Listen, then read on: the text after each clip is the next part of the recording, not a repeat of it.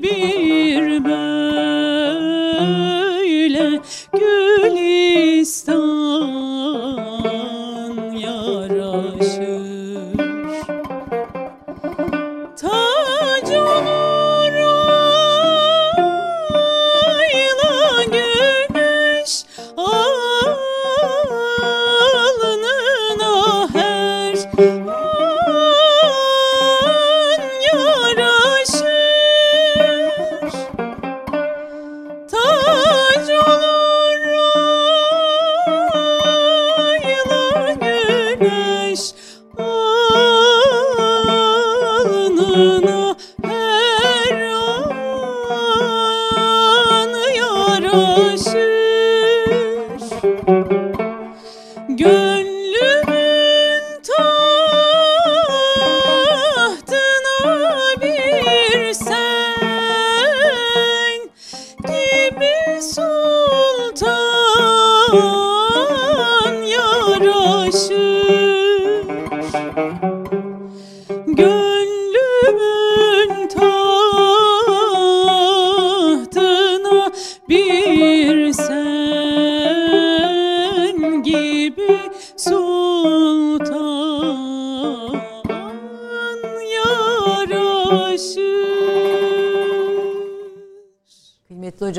Musikiyle aranız nasıl? Sever misiniz? E, yani elbette çok, çok severim. Kendim pek e, o konuda herhangi bir altyapım yok ama e, dinlemeyi çok severim. Efendim altyapım yok dediniz ama biraz önce Yılmaz Öztuna'dan başlayarak evet, musikiyle evet, ilgili gibi. Onları çok okudum o kitapları. Evet yani e, o nazariyatla ilgili kitapları. Özellikle biyografilerini okumaya çok büyük merakım var. Hala o kitaplarda durur yani ama herhangi bir alet çalma veyahut böyle bir nota vesaire bilgimiz olmadı evet. neyi dinledik Yaprak? E, bu dinlediğimiz eser Faruk Nafiz Çamlıbelli'nde güftesi. Bestesi de Münir Nurettin evet. Selçuk Üstad'a aitti. Yani. Evet, evet. ikisi de çok ünlü doğru. E, Münir Nurettin Selçuk'la da özel bir muhabbetiniz olduğunu biliyorum. Evet yani e, konserlerine, şans sinemasındaki konserlerine katılırdık. Daha öğrencilik zamanından beri. E, yani e, pazar günleri olurdu saat 10'da veya 11'de. Ve girişte iki buçuk liraydı düşünün yani. yani o, o Herkesin zaman. rahat girebileceği bir şekildeydi. Keyifle gider arkadaşlarımızla Canlı bir böyle bir şey dinlemek evet. ayrı bir ayrıcalık olsa gerek. Ulemanın musikiyle bağı nasıl olmuş? E, e, bir sürü e, alim var bu şekilde nazariyatla doğrudan doğruya ilgilenip kitap yazanlar var. En önemlisi de meşhur Esad Efendi. Onun Atrabül Asar diye üzerine çalışma da yapıldı.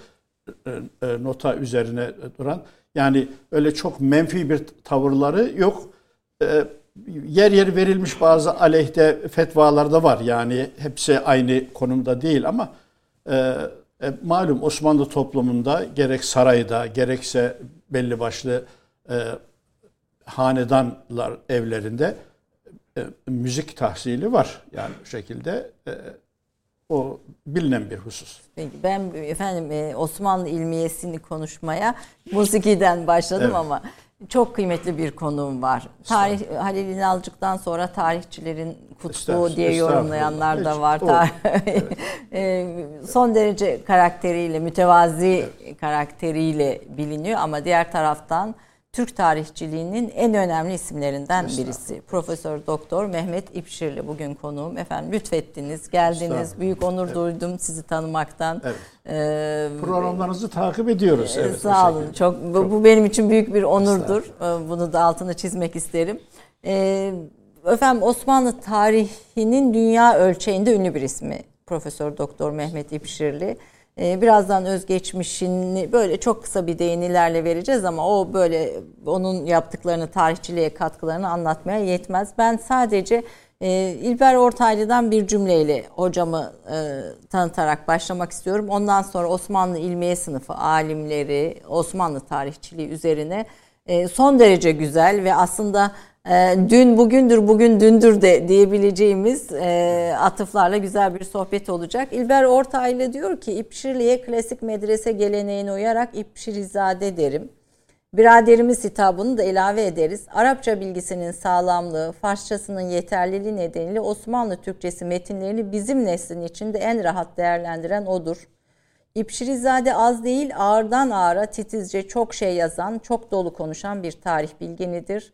Hiç göstermediği heccav bir tarafı vardır. Efendim bu heccav hicivden e, geliyor. Ee, Yani bazı özel konuşmalarımızda onun da bazı böyle e, değerlendirmeler yapardık. Herhalde ondan dolayı yoksa öyle bir güçlü bir Ee, tarafımız ama sizi tanıyan, programa çıkacağınızı e, bilen ve tanıyan birçok dostunuzla e, la da konuştuk. Onlar da bu bu, bu yönünüze son derece e, ya bu yönünüzü söylediler. Onunla konuşmak, onu okumak kadar keyiflidir. İnsanın bilgi ve düşünce dünyasına kazandırır.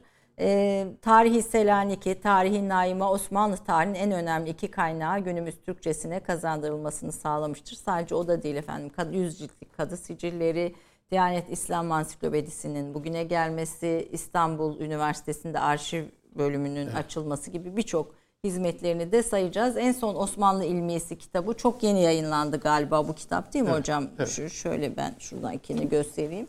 E, fakat çok kısa sürede e, biten, ikinci baskıya geçen nadir kitaplardan birisi. Ben de e, okurken e, bu kadar akıcı ve bu, bu kadar güzel bir e, tarih anlatılır e, diye tekrar ilave dipnot düşürmek istedim. Haddim olmayarak efendim. E, önce sizi tanıyarak başlayalım her zaman olduğu gibi. E, Kayseri doğumlusunuz. E, Bir özgeçmiş hazırsa onu verelim mi? E, ama medrese e, geleneğini araştırırken sizin de bir medrese geçmişiniz var. Evet. İsterseniz medreseye olan ilginiz ve sizin medreseyle hemhali oluşunuzla başlayalım. Buyurun efendim. Yani şimdi bu e, medrese tabiri gerçekten oturmuş bir tabir ama aslında ne Osmanlı döneminde ne de işte e, Cumhuriyet'in ilk yıllarında böyle medreseden ziyade medrese programı demek lazım. Yani bir medresenin çok oturmuş, yerleşmiş bir müfredatı var. Günümüzde program diyoruz. Okunan kitaplar var. Onlar da gayet e, standart hale getirilmiş. Adeta okuna okuna kristalleşmiş kitaplar. E, bu gelenekten bahsedilirse doğru. Şimdi e, eski o sistem Cumhuriyet'in ilk yıllarında da işte bazen biraz böyle takipata uğrayarak bazen özellikle 50'den sonra rahatlamış bir şekilde dersler okutuldu. Gerçekten şimdi e, 16-17. yüzyılda okunan kitapları biliyoruz. Bize de o dönemde aynı kitapları oku- okutuyorlardı. Yani e, çok fazla onlardan istifade ettik diyemeyiz. Çünkü e, böyle e, şöyle yapacağız, böyle Kayseri'de yapacağız Gevher, diyorduk. Ama Gevher hepsini Nesibe Medresesi'nde devam eden bir geleneğin Tabii gelenek, öğrencisi o program oldunuz. yani Evet. medrese müfredatı programını oradaki atmosferi çünkü medresede e, konuşulan konular vesaireyle ilgili bilgiler var. Aşağı yukarı onların hepsini e, e, görmek mümkündü. Kaç yaşında bu başladınız bu söylediğiniz? Yani 56 yaşında, şey pardon e, 1956 yılındaydı Yılında. bu şekilde. Bizim evimiz e, Gevher Nesibe Medresesi'ne bitişik. Evimizin arka duvarında koca koca böyle ta- taşlar vardı. Yani ki dünyanın ilk tıp medresesi olduğunu evet, sonradan evet. öğrendik. Her 14 Mart'ta da orada kutlamalar olurdu. Biz de e, medresenin damından seyrederdik. Ama hala ne olduğunu bilmiyorduk. İşte Dünya Tıp e, Bayramı vesaire imiş sonradan. Dolayısıyla bir de evimizin yakınında Raşid Efendi Kütüphanesi. O da çok ünlü bir kütüphane. Kendisi Reisül Kitap. Çok esaslı kitapları toplamış. Hep çalışmaları da oraya giderdik. E, yani kendi derslerimize çalışırdık ama o sırada turistler gelir e, böyle bazı Zeki Velidi vesaire gibi hocalar oralara gelir. Kitaplara çalışırlardı. Bir de oranın müdürü vardı. E, Naci Bey'di. Bizim hocamızın da medrese arkadaşıymış Naci Bey. O da bize evladım işte şunu yapın bunu yapın gibi yol gösterdi. Onların şimdi ne kadar böyle bende iz bıraktığını e, şu, şu anda anlıyorum yani hakikaten onların her bir sözü sanki e, bir kuralmış gibi, bir e, temel ilkeymiş gibi zihnimize yer etmiş. Yani e, klasik medrese müfredatını çok küçük yaşlardan itibaren evet, gördük o, o şeyleri. 7 evet, yıla yakın evet, galiba evet, bir, bir, evet. bir süre o müfredatın evet. içinde bir eğitim gördünüz. Evet. İlkokul eğitimin ilkokul ve İlkokuldan sonra ben İmam Hatip Okulu'na gidiyordum. İşte o sırada e, hafta sonları ve sabahleyin erken saatlerde bu dersler yapılırdı. Genellikle 45 dakika olur her bir ders. İşte önce e, fıkıhla başlar. Mültakal Epur gibi, Kuduri gibi kitaplar olur. Ondan sonra tefsirden işte bir bahis okut, okuturlar. Arkasından e, hadis pek okutulmazdı. Daha çok hadisi ezberlememizi söylerlerdi. Sonra e, şey, böyle kelamla ilgili falan kitap okudu. Ama ben bunları böyle okudum, özümsedim falan demiyorum. Sadece bulundum. Çünkü e, derslerimiz, var, derslerimiz vardı, şeylerimiz vardı ama onları çok keyif aldım o derslerden. Sonra İstanbul'a gelince benzer şekilde böyle çeşitli hocaların özel derslerine de devam ettik. Bütün mesele değerlendiremediğimin üzüntüsünü duyuyorum gerçekten. Ya, Çok daha iyi değerlendirilebilirdi o o dönem. Bence evet. bence müthiş evet. bir değerlendirme evet. ve e, sonrasında öğrencilerinize de büyük bir şey bırakıyorsunuz. Bir gelenek bırakıyorsunuz. Ee, Yüksek İslam Enstitüsü, e, evet. Ömer Nasuh Bilmen, Nihat Sami Banarlı, Mahiriz gibi hocalarla bir, bir dönem. Sıra arkadaşınız Ahmet Yaşar Ocak. Evet onlarla beraber. E, bir de İstanbul Hukuk tıp eğitiminiz var sizin. O bir böyle bir e, maceraydı gerçekten. İslam Enstitüsü'ne devam ederken e, lise dip, İmam Hatip Okulu'yla oraya girmiştik. Lise diplomasımız da vardı. Girdim sınava. E, hukuk fakültesi önce e, kaza, oldu. Sonra arkasından tıp fakültesi aynı dönemde bir, bir ay kadar hukukta okudum. E, o büyük amfide e, e, meşhur. Sonra tıbba geçtik. Orada tıpta iki yılım kayboldu. İntibak edemedim yani hakikaten. Çünkü İslam Enstitüsü'ndeki o dersler bana daha keyifli Yani geliyordu. o yıllarda tıp tahsili böyle bugün de öyle son derece önemli tabii, büyük bir evet, meslek filan evet. ama siz onu bırakmışsınız. Bıraktım evet. Tekrar sınava girdi, imtihana girdi. Merkezi sınav başlamıştı o zaman. Onunla girdik ve işte tarihi istiyordum artık. İstanbul Üniversitesi tarihe ki geçmişim diyorum. Yani çocukluğunuzdan söyleyeyim. itibaren bu evet. sahalar sizin evet. kalbinizde, ilgi, gönlünüzde. Ilgi çekti doğru. Ilgi. Pişman olduğunuz oluyor mu Hiç yani? olmadı yani hamdolsun o manada yani bir tek işte pişmanlığım bazı imkanları iyi değerlendiremedim. Efendim e, Profesör Doktor Mehmet İpşirli hocamızın çok kısa özgeçmişini izleyelim. E, bu dolu dolu verimli tarihçiliği, bu süreci, e, eserlerini bir görelim. Ondan sonra sohbetimize devam edelim. Hazır mı arkadaşlar? Tamam, izliyoruz efendim.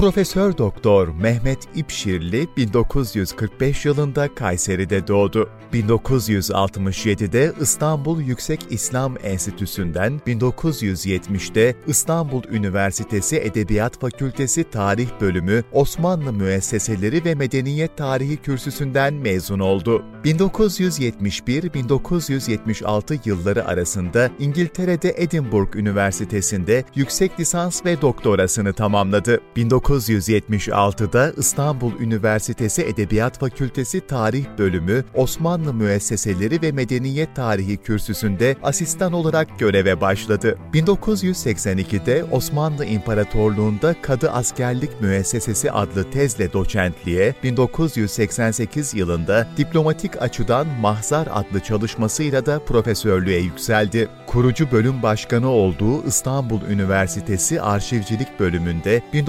1987'den 1999 yılına kadar çalıştı. 1983-2016 yılları arasında Türkiye Diyanet Vakfı İslam Ansiklopedisi projesinde yer aldı ve 200 civarında madde yazdı. 1990 yılında Amerika'da, 1991 yılında Londra'da arşiv ve kütüphanelerde araştırmalarda bulundu. 1994-1997 yılları arasında Malezya Kuala Lumpur'da International Institute of Islamic Thought and Civilization'da dersler verdi, master ve doktora tezleri yönetti. 1999-2015 yılları arasında Fatih Üniversitesi Tarih Bölümünde öğretim üyesi olarak çalıştı. 2015'ten itibaren İstanbul Medipol Üniversitesi İnsan ve Toplum Bilimleri Fakültesinde öğretim üyesi olarak çalışmaktadır. Osmanlı tarihinin önemli kaynaklarından Tarihi Selaniki ve Tarihi Naiman'ın çevirisini yaptı. 100 ciltlik Kadı Sicilleri Projesi'nin bilim kurulunda görev yaptı. Profesör Doktor Şevki Nezihi Aykut, Profesör Doktor Abdülkadir Özcan'la birlikte Tarihi Cevdet'i çevirdi ve yayına hazırladı. Muhammed Davut et-Tamimi ile birlikte Efkaf ve Emlakül Müslimin fi Filistin kitabını yazdı. Son olarak Osmanlı İlmiyesi kitabı yayımlanan Profesör Doktor Mehmet İpşirli çok sayıda makale ve bildiri kaleme aldı. Türk Tarih Kurumu şeref üyesi olan Profesör Doktor Mehmet İpşirli 2018 yılı tarih ve sosyal bilimler alanında Cumhurbaşkanlığı Kültür ve Sanat Büyük Ödülü'ne layık görülmüştür. Evli ve iki çocuk babasıdır. Müthiş bir katkı tarihçilik bilimine. Ee, tarihin içinde de çok özel bir alanı seçiyorsunuz. Osmanlı müesseseleri üzerine Evet. seçiyorsunuz. Mezuniyetimiz oradan. Oradan. Yani İstanbul Üniversitesi'nde ilk defa orada kurulmuş. Rahmetli Tayyip Gökbilgin hocam kurmuş. Ve konu olarak Osmanlı müesseseleri üzerine idi. Oradan mezun olduk. O çok az kişinin seçtiği bir bölüm. 5-6 18 kişi O idik. kadar. Hocayla böyle karşılıklı ondan çok istifade ettik tabii o, o manada. E, Çünkü kimse gitmiyordu çok zor bir bölüm diye.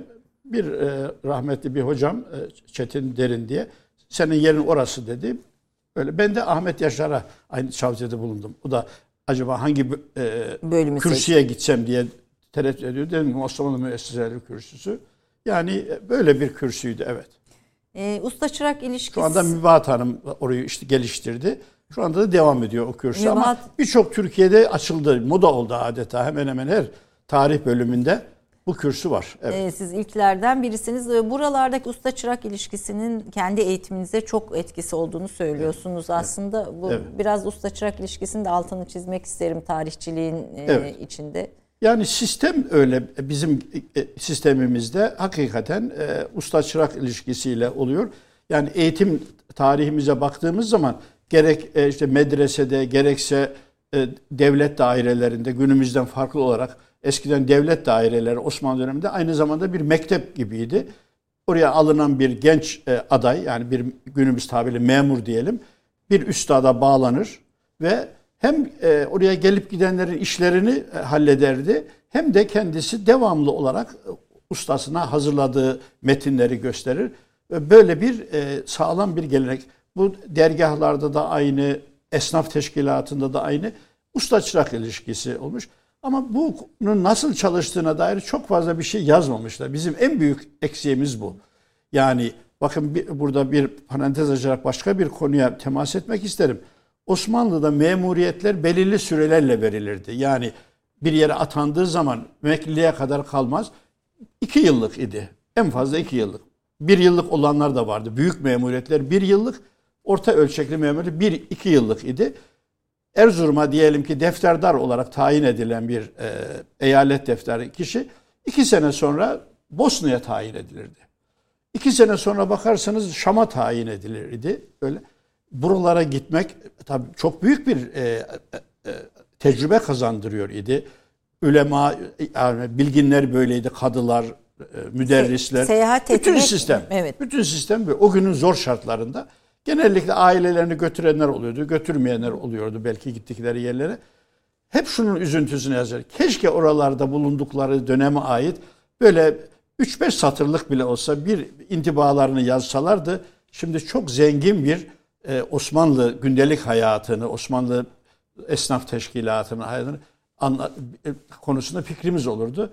Ya- yazılmamış yani bu ihmal edilmiş. Siz e, Osmanlı ilmiyesi üzerine yazarken dikkatimi çeken şeylerden birisi Osmanlı ilmiyesi nedir filan onlara şimdi geleceğiz ama e, medreseden mezun oldukları medrese değil hocayı söylerlerdi Evet, evet. hocaları. Bir diğeri de seyahat yani o dönemin e, insanının Olmazsa olmazı. alimin bir alimin ilim sahibinin olmazsa olmazının seyahat olduğunu Evet. söylüyorsunuz. Yani o e, bu tem, sistemin hoca üzerine oturduğu çok açık. Bütün e, icazetnamelerde hangi hocadan hangi dersleri hangi bahse kadar bir de e, kitabın tamamı da çoğu zaman okunmuyor belli bir bölüme kadar.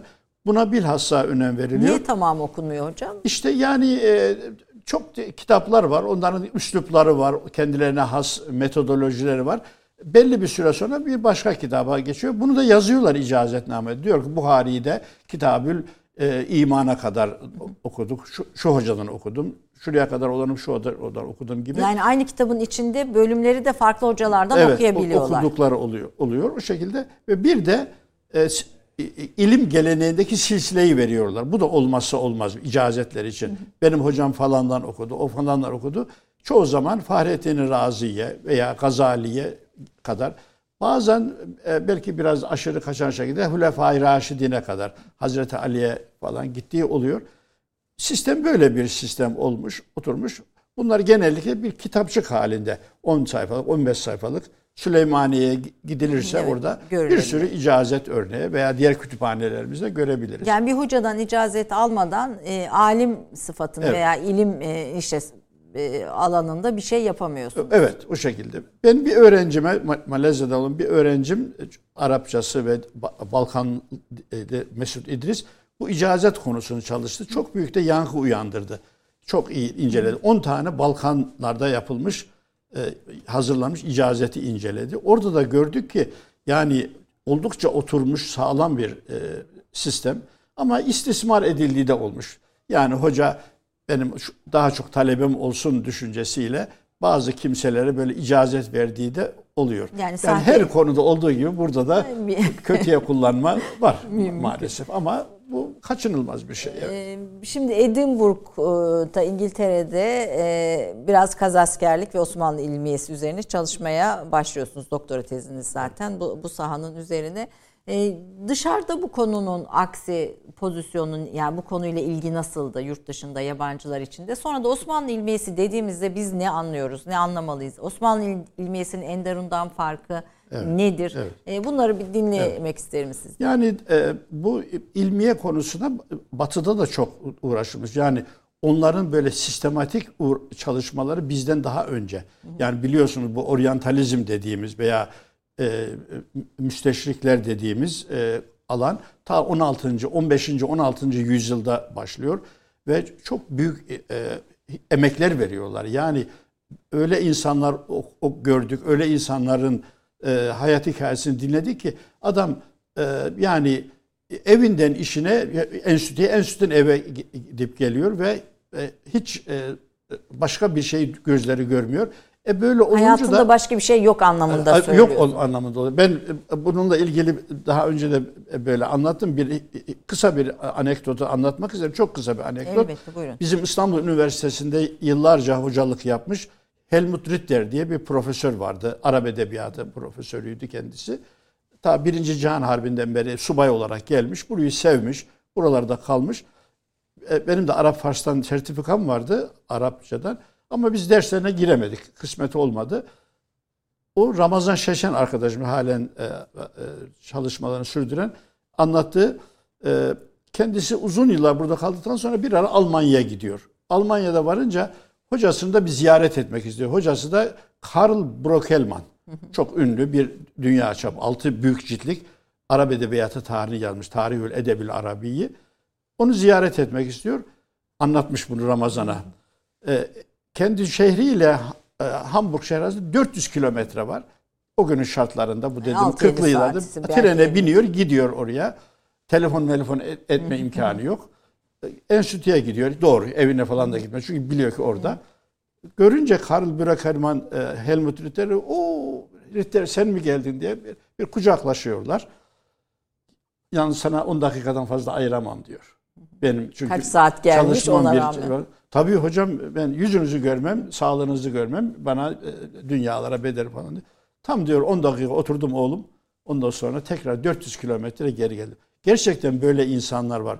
Bizde de böyle insanlar var. Siz de biraz böyle çalışan Estağfurullah. birisiniz Yok, benim duyduğum kadarıyla. Çok da okudum. kendimizi değil ama çok e, böyle kimseler var. Hakikaten yani bilimle hemhal olmuş, e, işinden başka bir şeyle ilgilenmeyen kimseler oluyor. Evet. Tarihçiliğin olmazsa olmazını bu e, olarak Biraz öyle yani şöyle bir söz vardı. Bunu çok küçükken söylerlerdi. Ben hocamızın sözü zannederdim. Oğlum ilim sen ona küllünü vereceksin. O sana cüzünü verecek. Sen bütünüyle ona kendini bağışlayacaksın. O da az bir şey verecek. Bunu yine bizim e, Ramazan Şeşen'e söyleyince dedi ki yani ben senin hocan onun dedi e, Cahiz'in sözü o dedi meşhur. Cahiz'in, 13. yüz- şeyde e, alimlerinde. 8. yüzyılda Cahiz'in sözü. Geçen gün Mahmut Kaya ile hoca ile sohbet ediyor. Onunla böyle zaman zaman dertleşiriz.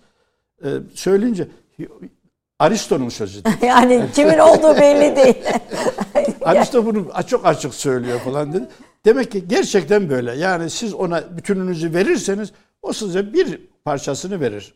Ee, Bu böyle yoksa ciddi bir şey yapmak. Evet. Geçen haftalarda kaybettiğimiz Mehmet Genç hocamızı Allah da anarak rahmet- onu da Allah gani seyrettim, şey rahmet yapalım. etsin. Evet. Onun da bir sözü O var. işte ya. verenlerden Evet, oydu. o. yani, yani e, örnek istiyorsanız örnek oydu. Evet, onun için biz tam bu söylediğinizi yazsın. temsil ediyor. Efendim kısa bir reklam arası. Ee, Ondan sonra Profesör Doktor Mehmet İpşirli ile Osmanlı ulemasının ilmi sınıfını konuşacağız efendim. Benim merak ettiğim çok soru var önümdeki notlardan belli. İnşallah süremiz yeter. Kısa bir reklam arası.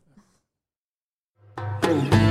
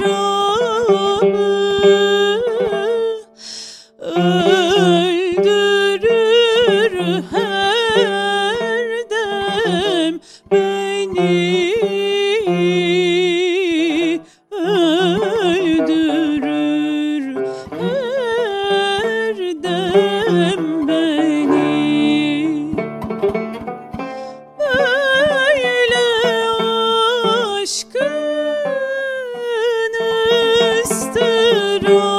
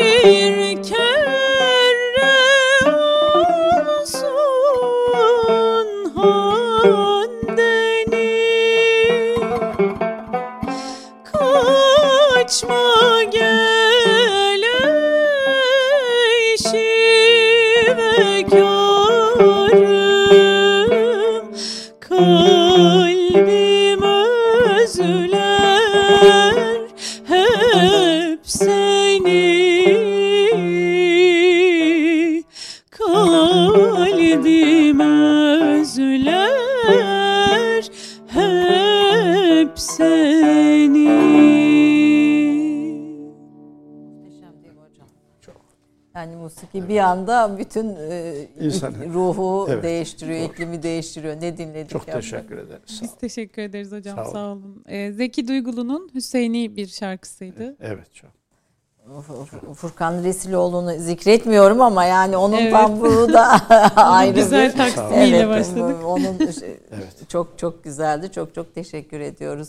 Ee, bu arada biz reklam aralarında da tabii hocamla sohbet ediyoruz. Her ne kadar musikten anlamıyorum diyor idiyse de nazariyat ve musiki Evet. konusunda derin bir bilgisi var ama hocam çok çok derin bilmediği Estağfurullah. bir konu e, olduğunu düşündüğü için böyle diyor efendim. Musiki konusunda da aslında son derece e, önemli Yani bir isim. biyografilerini okumayı ve onların birbirleriyle olan e, böyle e, dostluklar, ah, o konulara Hayran çok- olduğunuz Evet, var mıdır evet. böyle o biyografilerin içinde? Yani e, e, hemen hepsinin iyi tarafları var bilmiyorum. Yani var o şekilde be- Bu- beğendiğimiz. şimdi iyi- hepsinin iyi tarafları var dediniz. Tarihçi olarak yani Evet. sonuçta bütün vakıf olduğunuz eserleri itibariyle e, böyle kahramanlarınız var mı? Yoksa iyi ve kötü hepsini bir arada mı bulundur? Yok öyle bir e, o şekilde değil ama tabii mesela şimdi e, tarihçilik konusunda mesela Kemal Paşazade 16. yüzyılın e, çok böyle hayranlık duyduğumuz e,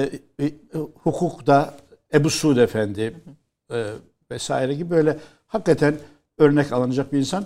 Günümüz şey açısından da uzun çarşılı e, İbrahim Hakkı Uzun Evet, Çarşı. çok İsmail Hakkı Uzun İsmail, Çarşı hakikaten pardon. çok e, müstesna bir insan. Evet. Evet. Hem her bütün hocalarımız da onu takdir ederdi. Ben İnalcık Hoca'ya sordum. Onun üzerine bir iki biyografi yazmıştım.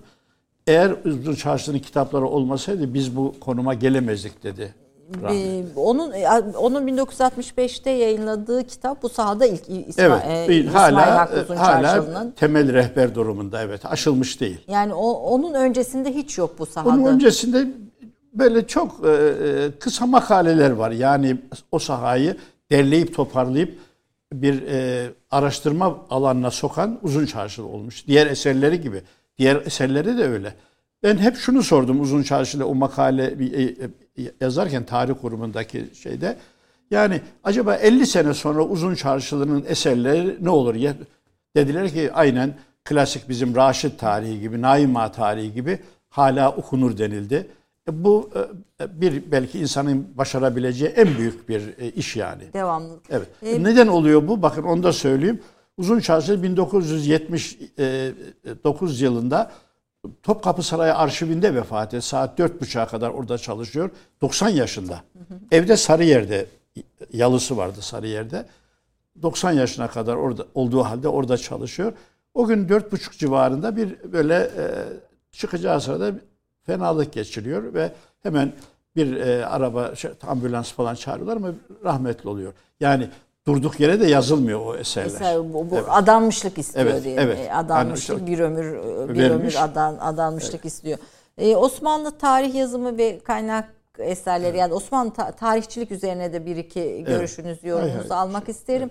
Ee, e, yine söylediğiniz bir şey e, bir diğer cephesiyle bir hani bizim kendi tarihimizde derinleşmek bir diğeri de bir Türk'ün dünya tarihi yazması Evet, üzerine evet, e, de evet. görüşleriniz O da var. bir kanayan yaradır. o yani, da bir evet. kanayan yara. İkisini de bir arada değerlendirmek isterim. Buyurun. Yani tarihçiliğimizde güçlü bir e, gelenek var. Yani bizim Osmanlı dönemine baktığımız zaman daha önce İslam dünyasında bu çok erken tarihte başlamış. Yani düşünün hemen e, asr saadetten sonra Taberi, Vakidi, Mesudi dünya tarihleri yazıyorlar. Çok e, mükemmel eserler vücuda getiriyor. Böyle 3-5 tane de değil. Çok sayıda o şekilde. E, Osmanlı'nın hemen her alanda olduğu gibi tarihçilikte de o eski mirası çok güzel al- alıyor, özümsüyor ve ona bir Osmanlı kimliği kazandırıyor. Yani bütün başarı bana sorsanız Osmanlı'nın nedir bu bu kadar övülüyor?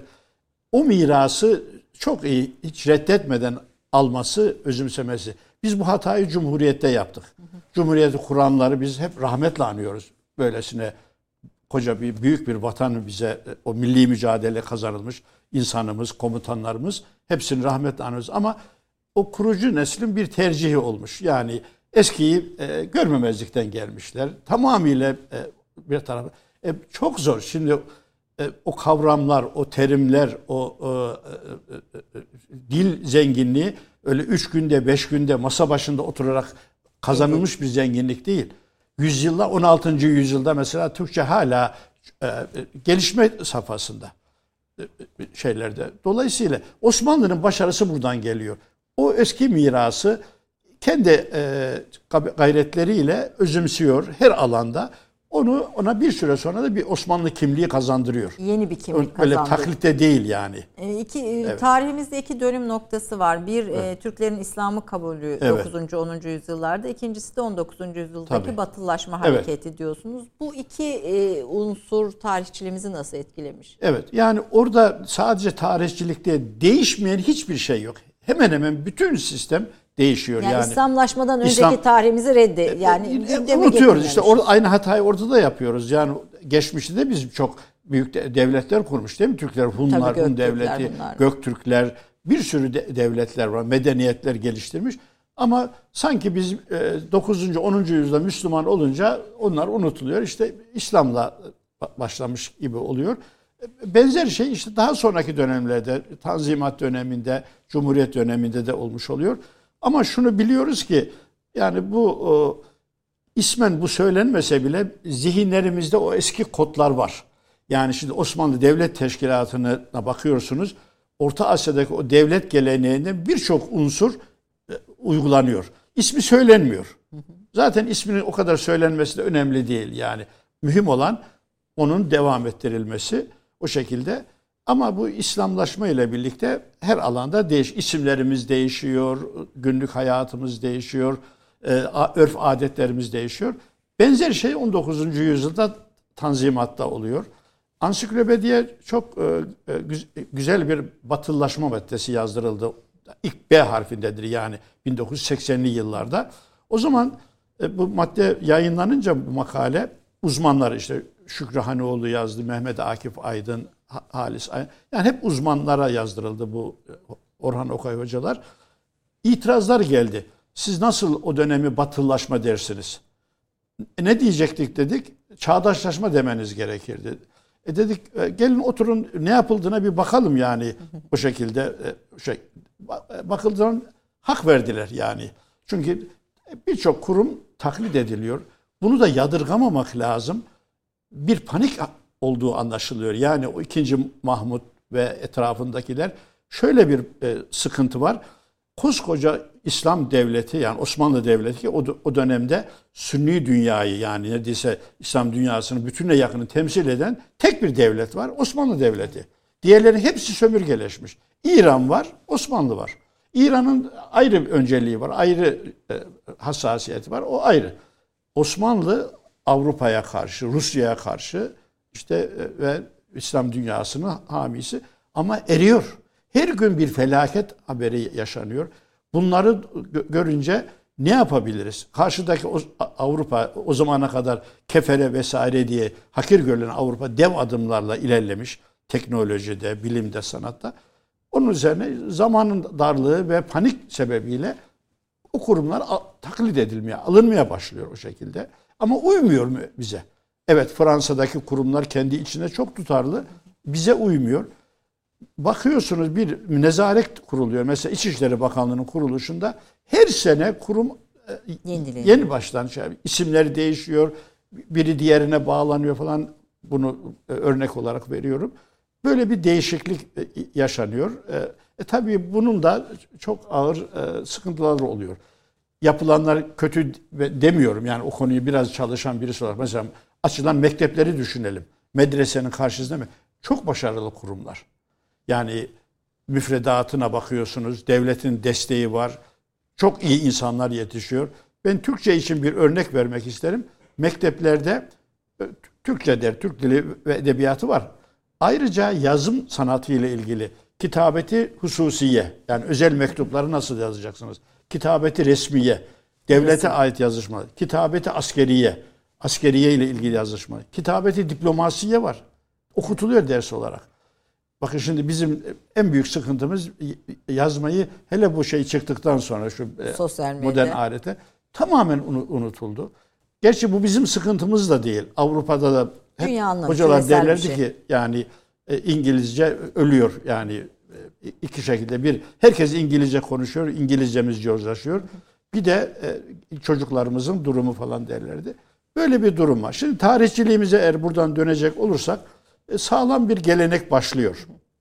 15. yüzyılda e, e, özellikle Fatih devrinden başlayarak artık Osmanlı tarihi yazılmaya başlıyor. Ondan önce yok.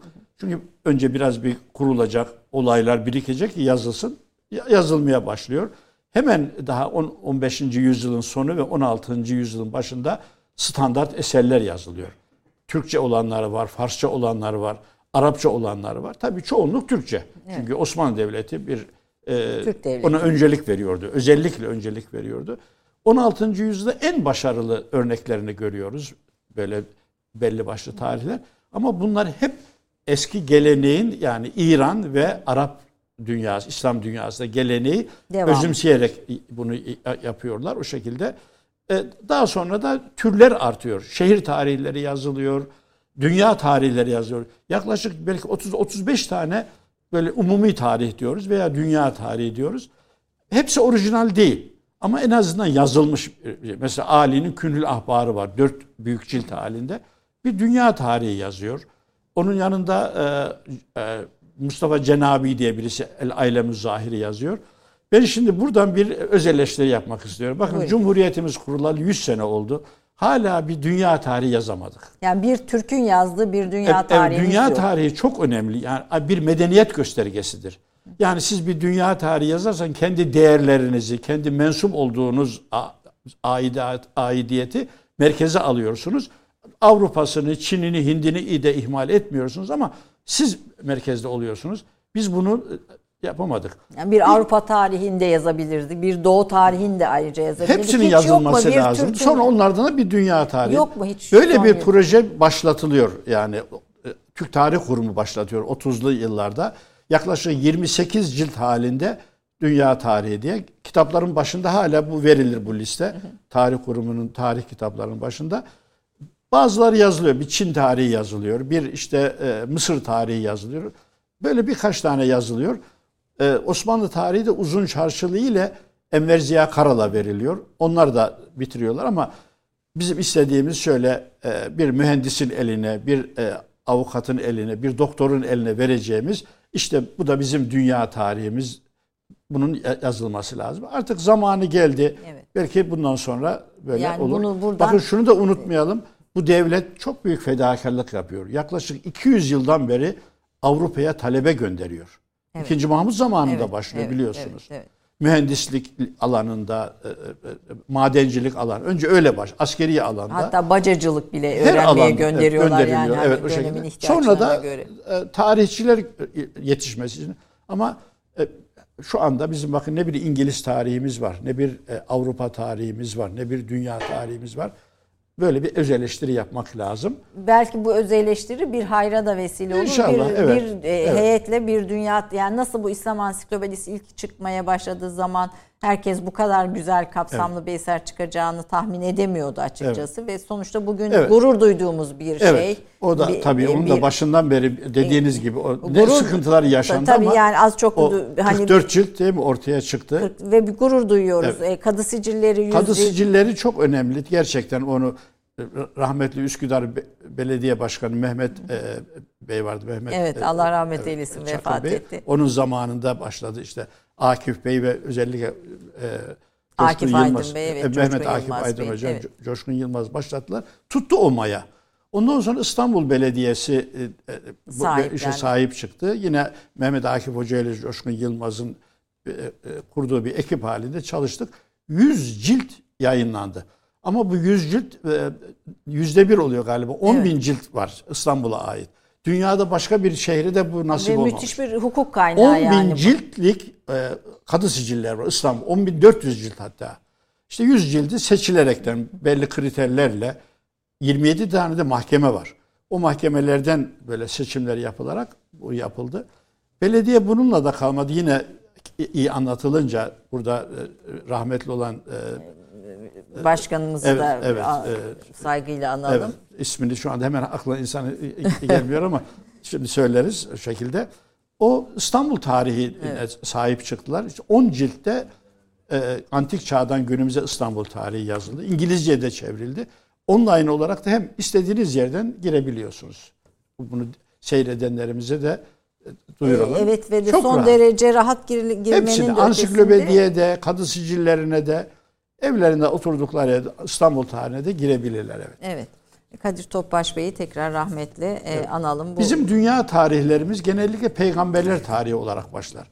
Yani batıda galiba bunu ben birçok meslektaşım onlar tam cevap veremediler. Onlar daha çok eski antik çağdan başlatıyorlar. Yani Yunan'dan başlatıyorlar. Bizde peygamberler tarihi ile başlar ve e, bütün o şey devam eder. Çünkü biz e, Müslüman olarak bütün peygamberler, eski peygamberlere inanıyoruz. Böyle bir Yani Evet. bu bunun tekrar altını çizerek Türk bir Türk ekibin yazdığı bir dünya tarihi e, yazdırmak e, İnşallah, artık tü- geldiğimiz noktada e, şart oldu diyelim. Umarım bunu e, proje olarak hayata geçiren birileri olur.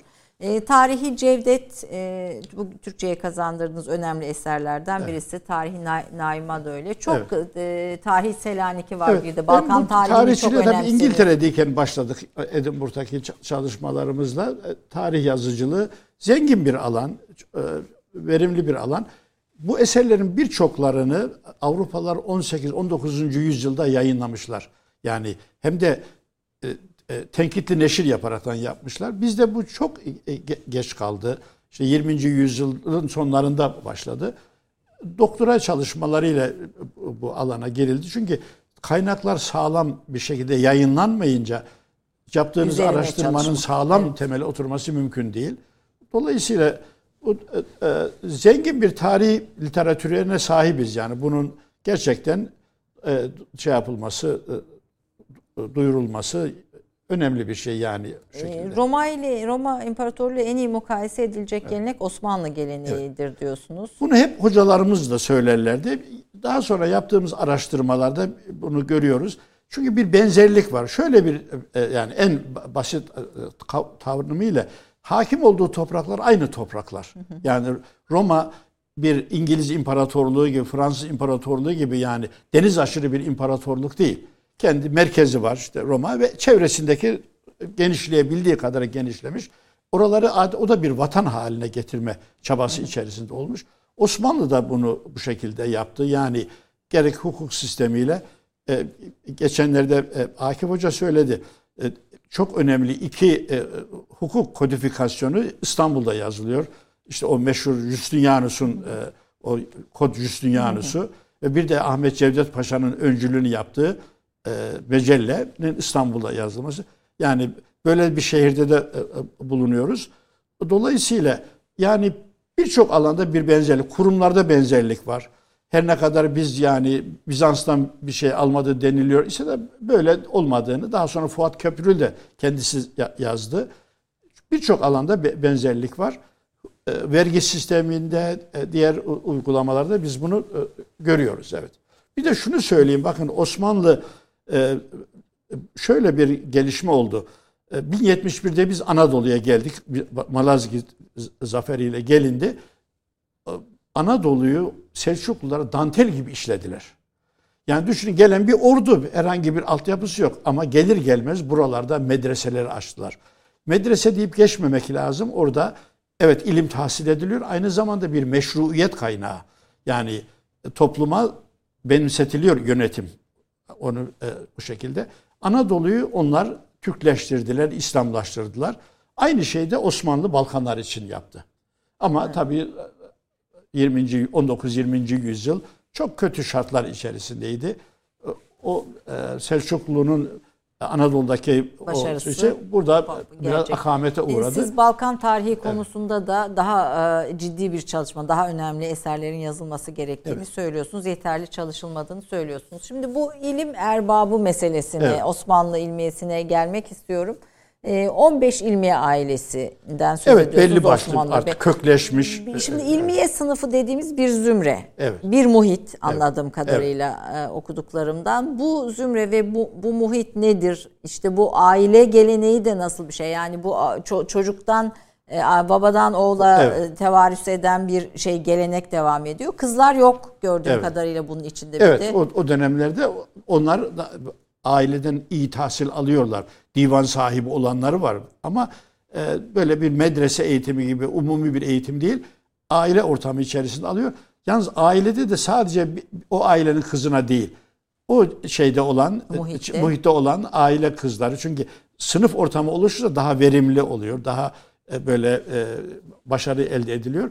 Böyle bir eğitim var ama bunlar yazılmamış maalesef. O dönemlerde gönül arzu ederdi ki böyle şeyler kayda geçirilsin. İsimlerini bile bilmiyoruz. Şeyhülislam'ın üç oğlunun adını biliyoruz ama kızı da bir başka e, ilmi ailesinden bir e, gençle evleniyor. İsmi yok. Kızıyla işte Hüseyin Efendi evlendi deniliyor. Bu böyle bir saray içinde böyle bir şey bu durumlar var yani. Yani kadının adını eğitimde koyan padişah 2. Mahmut veya evet. sonra değil. O zaman evet işte o e, 19. E, yüzyılda başlayan bir sistem oluyor. 19. yüzyılda güzel okullar açılıyor ya işte. Gerek Mahmut zamanında gerekse Abdülhamit, Abdülhamit zamanında Darül Muallimatil Aliye öğretmen yetiştiren, kadın öğretmen yetiştiren okullar vesaire açılıyor. Şimdi aileleri sordunuz konuyu evet, ben dağıtmayayım. Mehmet İpşirli hocamın konusunun o, o bir, arasında gördüğünüz gibi bir küçük bir, şey. bir küçük kadın gündemi parantezi evet, hemen evet. soktum. Ben, Buyurunuz efendim. Şey İlmi ailelerini. Evet. Yani e, ilim bir gelenek iş olduğunu hep söyleniyor. Bunu e, kaynaklarımız da söylüyor. O dönemde yapılan tartışmalarda da zaman zaman bunun e, bu konuşmalara şahit oluyoruz. E, ve bütün meslekler aslında babadan oğula geçiyor. Ama en çok rağbet edilen meslek ilmiye mesleği. İtibarlı bir meslek. E, dünyalığı oldukça iyi yani gelir kaynakları hem vakıflardan önemli ölçüde istifade ediyorlar hem de devletin birçok imkanlarından istifade ediyorlar. Dolayısıyla özellikle ilmiyede bir babanın, bir kazaskerin, bir İstanbul kadısının dört oğlu varsa dördü de o e, alana intisap ediyor. Güzel bir şey bu. Bunu yadırgamamak lazım. İlmi dediğimiz evet. şeyin ama başlıkları var. Yani işin hukuk tarafı var, bürokrat, e, tabii çok, memur e, tarafı, yönetim. Özellikle üç alana tekel kurmuşlar. İnhisar eski tabirle tekel. Yani ilmiye sınıfı tekel, e, tekel kurmuş. Tek, üç alanda tekel. Bir yargı. A'dan Z'ye bütünüyle onlara. Hariçten birisinin girmesi mümkün değil.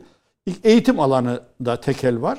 Bir de diyanet alanında yani belli başlı camilerin Dini imamları, konular vaizleri, hatipleri hep ilmiyeden oluyor. Ama özellikle hukuk ve eğitim alanındaki tekel tabii çok e, önemli. Yani bilhassa hukuk dendiği zaman tabii akan su duruyor. Böyle bir eğit şeysi var. İstihdam alanları vesaireleri var. Çocuklar intisap ediyorlar. Babasının kütüphanesinden o dönemde şimdiki gibi evlerde kütüphane yok. Evet. Şeriye sicillerindeki terekeleri çalışan hocalarımız bilhassa İsmail Hoca çok, Erün Sal çok çalıştı. E, çok az e, kitaplar oluyor ama bir alimin evinde var bir, bir kitap. Onu tevarüs ediyor. O şekilde, Oğluna kalıyor. Ev kalıyor. ondan daha önemlisi babasının muhiti var. Evde de şimdiki gibi değil o zamanlar çok sık toplantılar oluyordu şeylerde. O toplantılarda sohbetler ediliyor, konuşuluyor. E çocuk da daha o yaşta bu imkana sahip oluyor. Sade bir vatandaşın bunlardan e, nasiptar olması. olması, haberdar olması mümkün değil. Bu, bu tarafları iyi. Ama bir hata ya- yapılmış. Bu o işte telafisi mümkün olmayan bir hata. İkinci Murat e, ilme bir teşvik olsun. e, daha da ilmiye e, sınıfı Gelsin. güçlensin düşüncesiyle bir ayrıcalık tanıyor. Bir aileye, Fenari o zaman zaten tek Molla Fenari ailesi. Molla Fenari ailesine, Şeyhülislam ailesi. Bu aileden gelenlerin e, atamalarda, e, görevlerinde bir ayrıcalığı oluyor. Önce sadece Fenari ile sınırlı iken sonra yavaş yavaş bütün aileler, o köklü aileler bu imkanı elde ediyorlar. Kim var mesela bugün hani ismini bildi mesela Köprülüzade galiba bunlardan Evet, birisi. o, o sonradan Zaten ortaya- İlber Ortaylı'nın İpşirizade demesi size de buna Evet, bir şey. o 17. yüzyılda ortaya çıkıyor ama günümüze kadar Fuat Ge- Köprülü'ye kadar Geliyor. tabii oğluna kadar devam ediyor. İlk aile Çandarlı ailesi. Çok ünlü bir aile. Çok büyük de hizmet Bugün etmişler. Cengiz Çandar'a kadar uzanan Onu bilmiyorum. Öyle dendi ama vardır Evet. herhalde ailesi. ilgisi olması lazım. Bu aile Türk ailesi medrese tahsili yapıyorlar. Sonra e, müderrislik, kadılık, vezirlik ve vezir-i azamlık şeklinde kanuni e, şey e, Fatih'e kadar devam ediyor aile. E, bu ailenin en önemli özelliği bir vezir ailesi olarak tanınıyor. Uzun Çarşı'nın hanımı vardır rahmetli e, Safiye Hanım. O Çandarlı ailesine mensuptu. Eşine e, yani hanımına olan saygısından dolayı bir kitap yazdı. Çandarlı Vezir Ailesi diye. Bunu da kendisi şöyle Evet. e, hanıma e, Bu, bulabiliyor muyuz? Var Evet. mıdır kitap? Var kitap. e, Var. Bu, kitaplar tarih Tarih, kurumu kitap evet. olduğu için 5-10 liraya da Bulunabilir, evet. satılıyor. O kadar da e, ucuza satılıyor. Sonunda da şecere var. Ta Hayrettin, Halil Hayrettin Paşa'dan Safiye Hanım'a kadar gelen galiba oğulları var Uzun Çarşı'nın e, Oktay Bey vesaire e, bunlar o şekilde Devam şey yapılıyor. evet. Onunla başlar ama diğerlerine de intikal ediyor. Bakın İnalcı'nın bir sözünü hep hatırlarım. Yani kurucu aile Osmanlı ailesiydi. Hanedanı Ali Osman ama vezir ailesi olarak Çandarlı'nın da çok büyük hizmeti olduğu dedi. Bu başlıyor. Sonra Fenari Zadeleri geliyor. Arkasından işte e, Molla Hüsrev'in ailesi, daha sonra Ebu Suud ailesi. Yani bunları bir çırpıda sayabiliriz. Yani bunlar Çivizadeler. böyle bizim hani tarihte gördüğümüz tek bir karakter değil de bir e, yılların e, Evet, yüzyılların tabii. içinde devam Her eden bir aile bir iki gibi. aile ortaya çıkıyor. İşte yaklaşık 15 tane aile. En son işte Arapzade ailesi, Dürrizade ailesi. Bunlar Şeyhülislamlık, Kazaskerlik gibi makamlar adeta tek ellerinde. Gerçi hariçten de tek Hanedanın yanında bir başka hanedan gibi E, diyebilir o- miyiz? O, kadar güçlü bir konumdalar. Kendi aralarında evlilikleri oluyor. Daha da güçleniyor. Ama aralarında inanılmaz derecede de şeyle kıskançlıkların da olduğunu görüyoruz. Bu da bir e, ayrı bir derttir. Yani bunu 15-16. yüzyıl kaynakları da söylüyor. Yani ulemanın sözüne e, e, dinlerken dikkat etmek lazım. Onların kendi aralarında kıskançlıkları vardı diye bunu Lütfü Paşa söylüyor. Kanunun veziri azamı. Ee, Evet. bunların en etkilileri kim hocam? İlmiye En ricalini. etki olanlar e, Hoca Saadettin Efendi ailesi çok ünlü. 7 tane Şeyhülislam çıkarmış. En son Şeyhülislam 19. yüzyılda Saadettin Efendi'dir. Dürrizade ailesi 6 tane Şeyhülislam. Tabii pek çok da Kazasker, İstanbul Kadısı vesaire var. Ebu Suud bazı aileler kesiliyor. E, Mesela Ebu Suud ailesi ha- halen var aileden kimseler ama e, etkili olmamışlar şey olaraktan. Etkili olan birkaç tanesi çok e, etkili olarak devam günümüze etmiş. kadar devam ediyor. Bunlar e, ya Şehzade hocalığı da yapıyorlar tabii. Evet. Öne, tabii padişah hocalığı da. Onun mutlaka aileden olması şart değil. Bazen bakıyorsunuz e, e, Osmanlı ülkesine gelmiş olan, seyahat edip Osmanlı ülkesine yerleşen tanınmış bir alimi hemen e, padişah oğullarına e, Yabancı bir olarak, alimi. evet, şehzade hocası olarak tayin ediyor.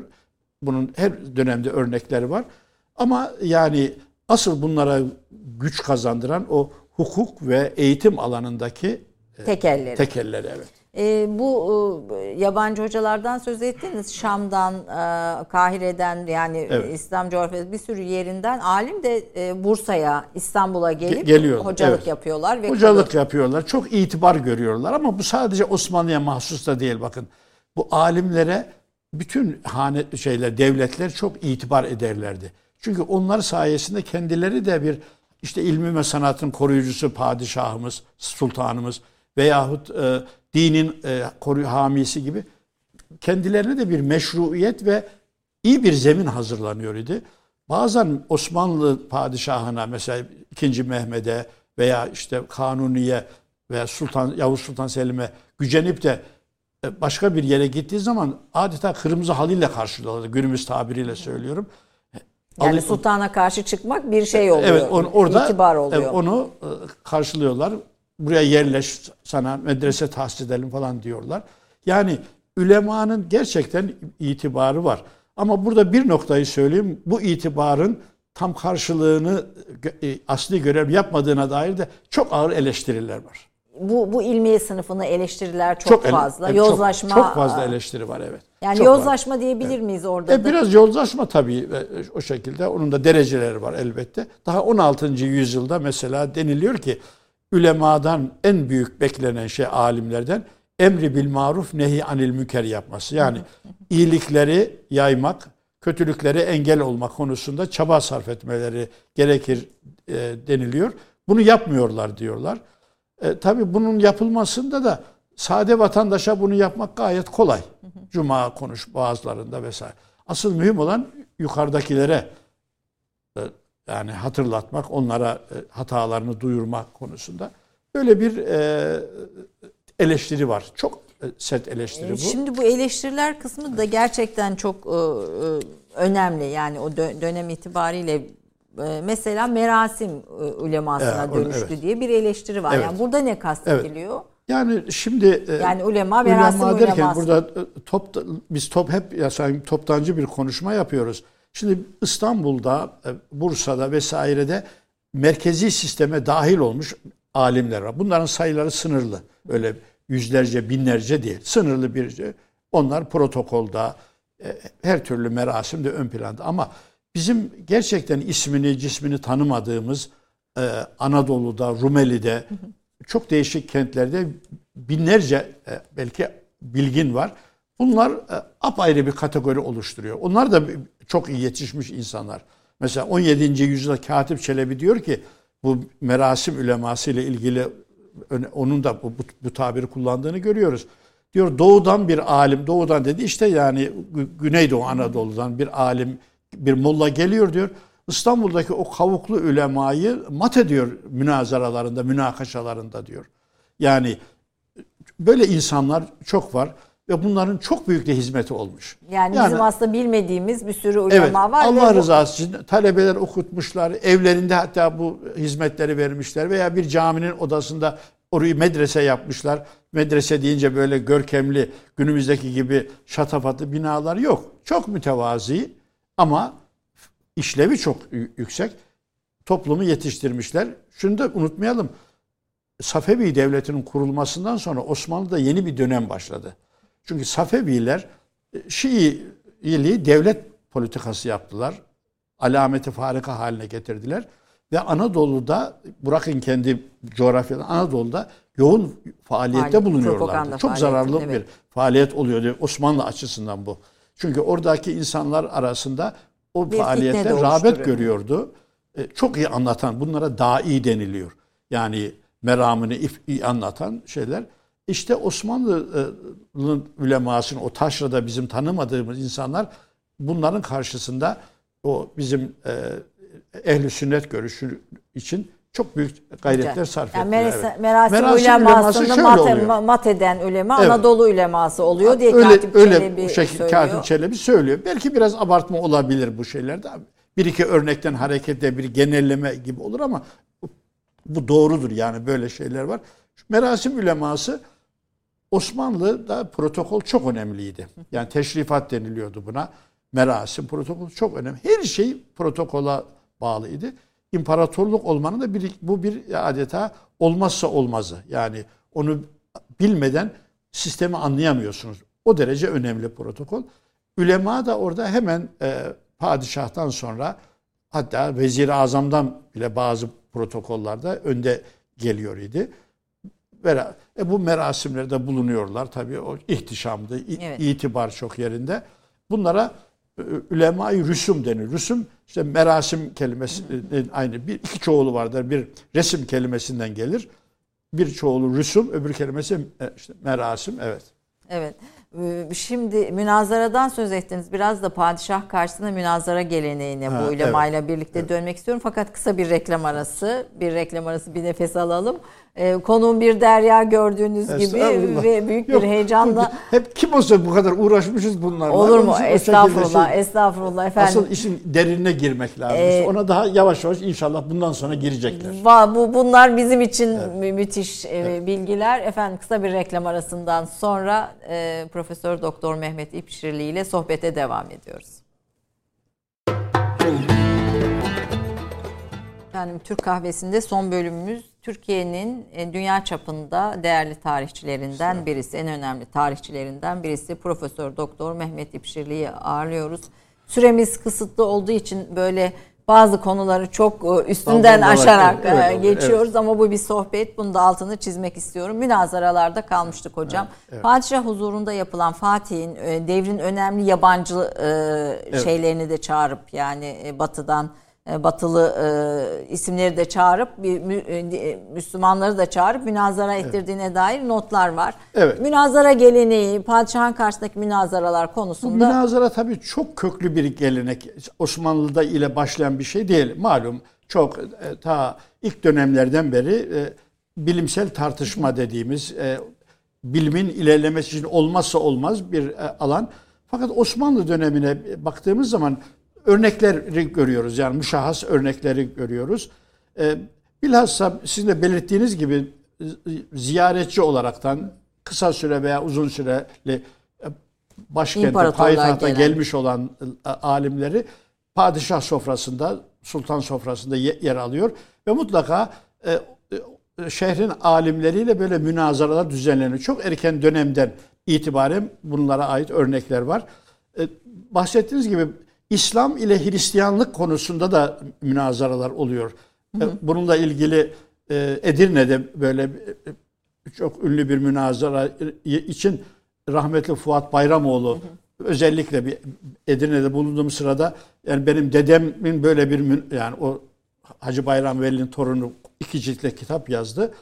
Vardı kaynaklarda bulabilir miyiz falan diye söylemiş idim. Anlatılıyor ama detaylarını tam olarak bilemiyoruz.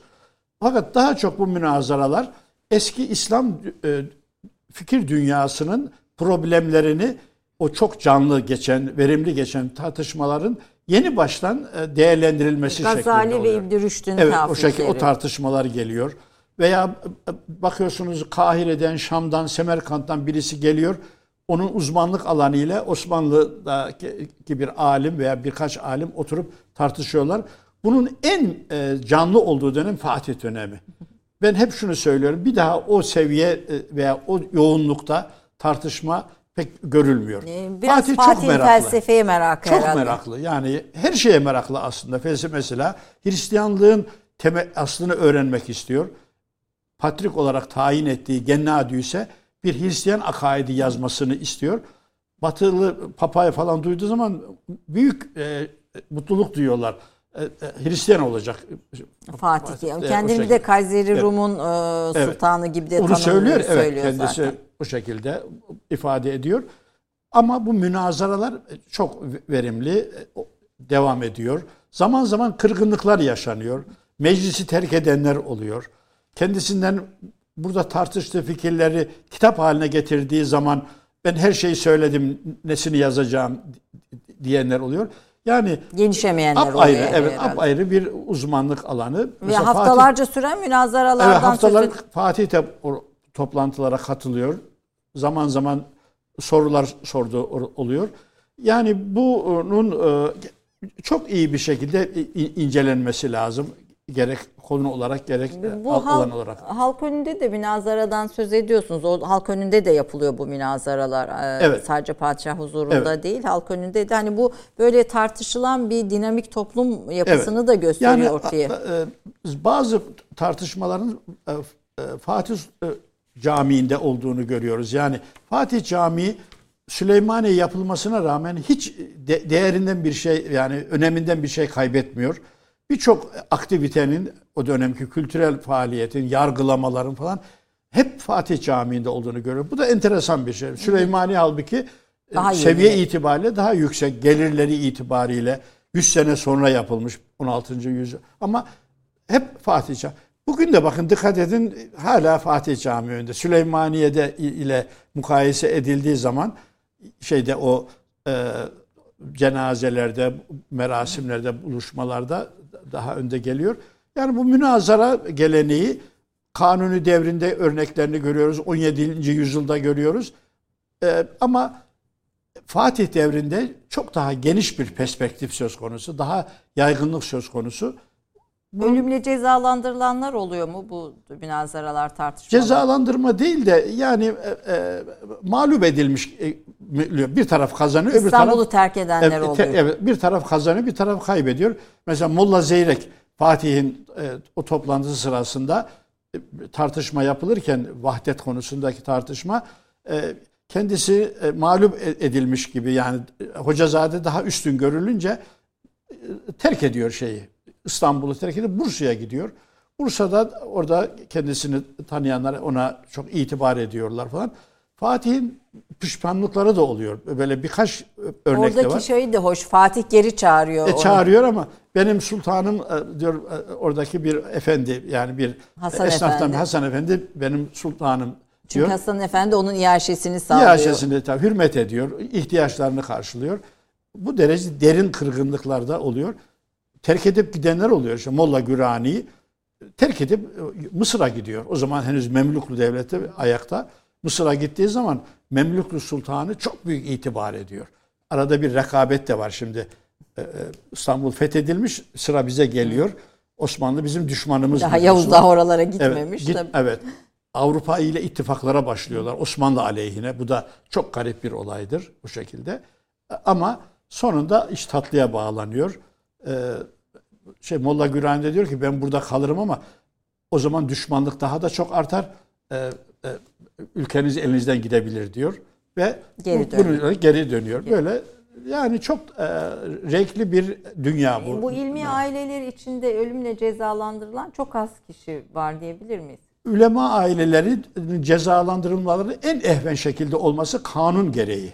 Kanun e, gereği. Onlar e, da biraz e, askeri sınıfa yani şey e, mensup, e, yönetici sınıfa mensup onlara verilen ceza görevden alınmak ve bir yere sürgüne gönderilmek, bir başka uzak bir yere gönderilmek. Fakat e, eğer bir saltanatla ilgili bir tehlike söz konusu olursa yani ilmi bir münazara, dini bir konu değil.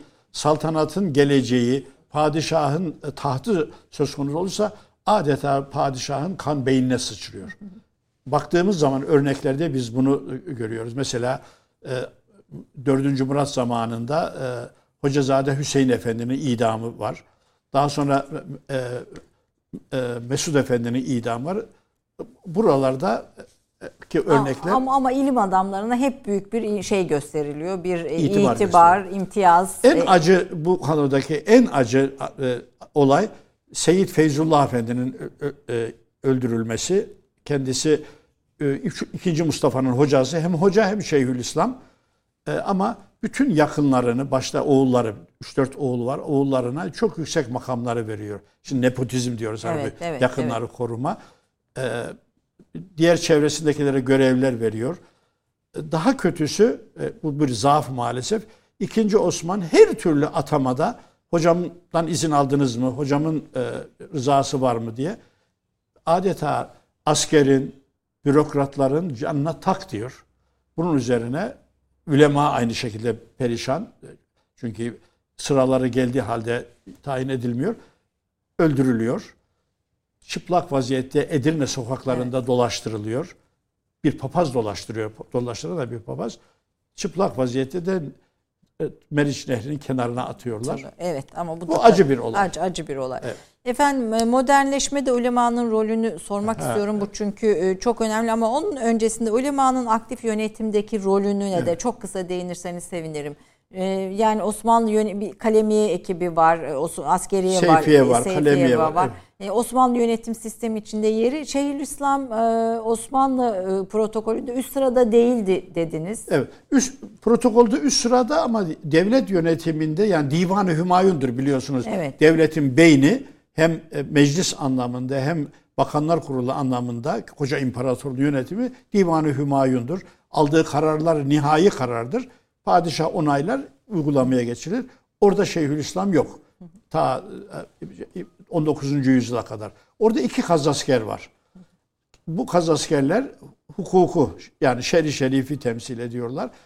E tabi ülemanın orada bulunması demek o yani Divan-ı Hümayun'da e, yönetimin en etkili iki ismi. E, şer-i şerif buna izin vermiyor e, denildiği zaman. Kazasker bu e, da. Evet kazaskerler bunu söylüyordu. Ayrıca İstanbul Kadısı bakın Osmanlı'da e, e, en yetkili kişiler kadılardı. Şehirlerin yönetiminde kadılardı. Şimdi İstanbul Kadısı'na bir bakalım kimliğine. Kimdir bu? Medrese tahsili görmüş. Ee, Yani tefsir, hadis, fıkıh, kelam, akaid gibi kitaplar okumuş bir kimse İstanbul'a kadı olarak, payitahtın kadısı olarak tayin ediliyor. Diğer yerlerde de aynı da ben İstanbul'un Evet. başkenti olduğu için örnek veriyorum. Yani burada şuna ben cevap vermek istiyorum. Osmanlı Devleti İslam hukukuna bağlı mıydı? Yani şer'e şer'e bağlı mıydı, değil miydinin cevabı bence burada. Kadıların Yani eğitimi. düşünün e, medrese tahsili görmüş, dini tahsil görmüş bir kimseyi İstanbul şehrinin ayrı bir valisi de yok İstanbul'un. Evet. Tek yöneticisi İstanbul Kadısı'dır. Tayin ediyor. Şunu sonuç olarak söyleyebiliriz. Yönetimde e, ka- karar verme mevkiinde edilir. Mesela bin civarında kaz- kadılık var, kaza vardı Osmanlı'da. Bunların başında hep e, kadılar vardı yönetimi. Hem belediye görevli var, hem idari görevi var, hem de e, hukuki görev görevleri var. Evet. Ee, bu, bu eğitimin içinde e, pozitif bilimler dediğimiz işte tıptır, matematiktir, felsefedir filan Evet. bunların yeri yok mu? E var onlar, onlar da medresede yani Osmanlı'dan önce de aynı şekilde. Yani tıp eğitimi yani standart tıp eğitimi medresede yapılıyor. E, daha Selçuklu döneminde böyle doğrudan doğruya tıp eğitimine ayrılmış medreseler. İşte biraz başlangıçta bahsettiğimiz Gevher Nesibe Ve bunlardan- iki medreseden oluşuyor. Birisi eğitim için, öbürüsü Darüşşifa. Yani sabahleyin öğrenci nazari bilgiyi alıyor. Hemen yanı bitişik olan e, hastanede de Darüşşifa'da da Tıp hastalara görev- hizmet vermiş Peki. oluyor. Osmanlı'da da bu yaygın olarak var. E, ilk büyük kurum da e, Süleymaniye Medresesi içindeki tıp medresesi. Bunlarla birlikte. Modernleşmede ulemanın rolünü e, son bahis olarak açalım. Dediğim gibi gene bir sürü ba- ba- bahis Evet, kaldı artık- ama e, modernleşmede ulemanın rolü olmuş mu ve özellikle 2. Mahmut sonrasında e, ne duruma gelmiş?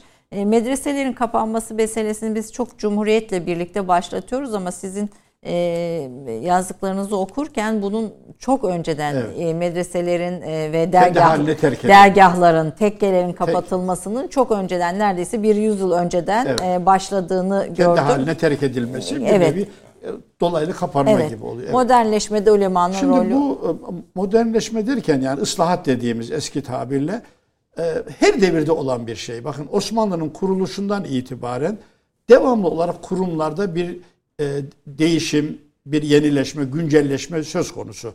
Ansiklopedide de böyle bir ıslahat maddesi var. Orada iki kısımda ele aldık.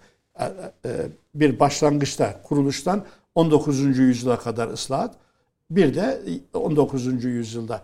Yani biz bugün ıslahat deyince hep 19. yüzyıl diyoruz. Değil. Kurumlar aynen insan vücudu gibi devamlı değişen, e, ihtiyaçlara göre gelişen kurumlar. Yanlış bir kanaat vardı şöyle ki e, o, e, ulema hep e, ilerlemenin önünde engel Karşısında, olmuştur evet. şeklinde. Bu e, biraz Cumhuriyet döneminin e, belki o e, başlangıçta e, ki tavrından kaynaklanıyor, tercihlerinden kaynaklanıyordu. gerek yerli gerekse yabancı bir sürü araştırmacının çalışmaları bu konunun objektif çalışmaları açıklığa kavuşturdu. Bakın şimdi matbaanın gelişini düşünelim. 1726-27'de e, şey, Yenişehirli Abdullah Efendi'nin çok güzel bir fetvası var. İlmin yayılacağını vesaire anlatıyor. Daha önceki dönemlerde e, askeri alandaki gelişmeler için çok büyük e, tavsiyelerde bulunuyorlar. Hemen hepsi de bunu yapıyor. Dışarıdan uzmanlar getirtiliyor batıdan. Ama 19. yüzyılda yoğun olarak biz bunu görüyoruz. Şimdi 2. Mahmud'u ele alalım. 2. Mahmud e, biraz 3. E, Selim'den de ders alaraktan çok köklü bir e, gelişme Üçün, başladı. 3. Selim'e başlata ba bağlayabiliriz. Başlıyor tabii. 3. Selim gerçekten klasik Osmanlı sultanlarının en önemli temsilcisi. Belki son hep gelenek reform yapıyor ama geleneği hiçbir zaman boşlamıyor, boş, bırakmıyor. unutmuyor o şekilde. İkinci Mahmud radikal bir değişim yapıyor. Yani böyle şunu alırız bunu almayız değil. Radi olduğu gibi alınmasıyla ilgili bir girişimde bulunuyor. Buradaki en önemli desteği ulema. İsimlerini bile sayabiliriz. E, çünkü kamuda büyük tepkiler oluyor yeniliklere. Her devirde var. Yeniliğe Oldu, karşı bir e, reaksiyon olur. Bunu e, kırmak için dediğim gibi 3. Selim'in o şehadetinden de biraz ders alarak ulemanın bu konuda öncü olmasını istiyor. Devrin Şeyhül İslamları var. Kadızade Mehmet Tahir Efendi, Mekkizade Mustafa Asım Efendi gibi. Kazaskerler var. Sahaflar Seyfi Esad Efendi gibi. Yani 8-10 tane o etkili toplumda e, gücü olan ülema her vesileyle anlatıyorlar. Yani devletin içinde bulunduğu müşkül durumu, e, e, bu giderse İslam Müslümanlığın perişan olacağını anlatıyor ve bu konuda bir kamuoyu oluşuyor. Böylece 2. Mahmut o modernleşme köklü devrimlerini gerçekleştirdi. Bunun bunlar hep anlatıldı, yazıldı. Ama hep şu da söylenir. Gerçek tanzimatçı padişah Abdülhamit denilir. Bunu e, e gerçek olsun, evet Stanford Show her vesileyle söylerdi. Kitabında da bunu söylüyor. O iki ciltlik Osmanlı tarihinde konferanslarında da büyük tanzimatçı Abdülhamit derdi. E, kendisi geleneksel bir padişah gibi gözüküyor ama mesela müzik olarak hep biliyoruz. Batı müziği Batı müziğine oluyor. E, medreseye itibar etmiyor. Onun döneminde medreseler 2. Mahmut ve 2. Abdülhamit döneminde e, kendi haline terk ediliyor. Kapatılmıyor ama kapatılmaktan daha kötü. Yani e, gelişmesi, gelişmesi için çok güçlü iyi işler yapabilirlerdi. Böyle olmuyor. Mektepler açıyorlar. Ve mektepler de elbette ki çok başarılı işler yapıyor. O yüzden Abdülhamit de ulemadan çok istifade ediyor. Bakın Abdülhamid'in en önemli e, propaganda aleti yani devletin o zamanki gücünü düşünün. Yani büyük devlet ama büyük sıkıntılar var. Üç tane alim yani konuşması düzgün, etrafında tesir olacak üç alimin koltuğunun altına bir tane Kur'an-ı Kerim, bir Sahih Buhari'yi veriyor ve onu Türkistan'a gönderiyor. Yerinden oynuyordu gittiği zaman Buhara'ya. Hindistan'a gönderiyor yer yerinden oynuyor idi. Bu şekilde bunu biz nereden öğreniyoruz? Batılılardan öğreniyoruz. Biz bunca emek sarf ediyoruz. Ruslardan öğreniyoruz. Bu kadar gayret sarf ediyoruz. Büyük e, emekler veriyoruz. Ama padişah koltuğunun altına bir e, Kur'an veriyor. Öbürünün koltuğunun altına bir Buhari veriyor. Bizim çalışmalarımızı halk unutuyor e, diye sızlanıyor. Yani o yüzden Abdülhamid'in o hilafet politikası öyle e, basit bir, bir basit bir şovdan ibaret değildi. De, Etkiliydi. Onu, o, İngilizler bunu söylüyorlar evet. Evet İngiliz. Efendim tarihte araştırılacak çok konuk evet. var. Çok konu var. E, alimler bir toplumun kutup yıldızları gibidir evet, derler. Şekilde, Siz evet. de bu, bu bu anlamda tarihçiliğin kutup yıldızlarından birisiniz. Bu, bu, bu sürede bu kadar başlığa evet, değinebildik. Lütfettiniz. Şeref duydum sizinle aynı masada biz, oturmaktan, bilgilerinizden. Çok güzel programlar yapıyorsunuz hakikaten. Sağ olun. Allah yani maya tuttu inşallah. Devam et. Bilgilerinizden devam istifade ediyoruz. Devam Türk edelim. kahvesi izleyicilerimiz evet. de bizim e, hepsi birbirinden kıymetli Şüphesiz. ve çok e, bu sohbetlerin hepsine içlerinden katıldıklarını biliyorum çok. yorumlarıyla vesaireyle. Hepimizi zenginleştirdiniz. Evet. Allah ilminize bereket versin, Cümlemiz. ömrünüze bereket versin diyorum. E, yapraktan bir eser dinlemeye evet. vakit kaldı mı? Çok kısa. Evet. Biraz buyurun. Dinleyelim. Evet. Hemen esere girelim. Evet. evet.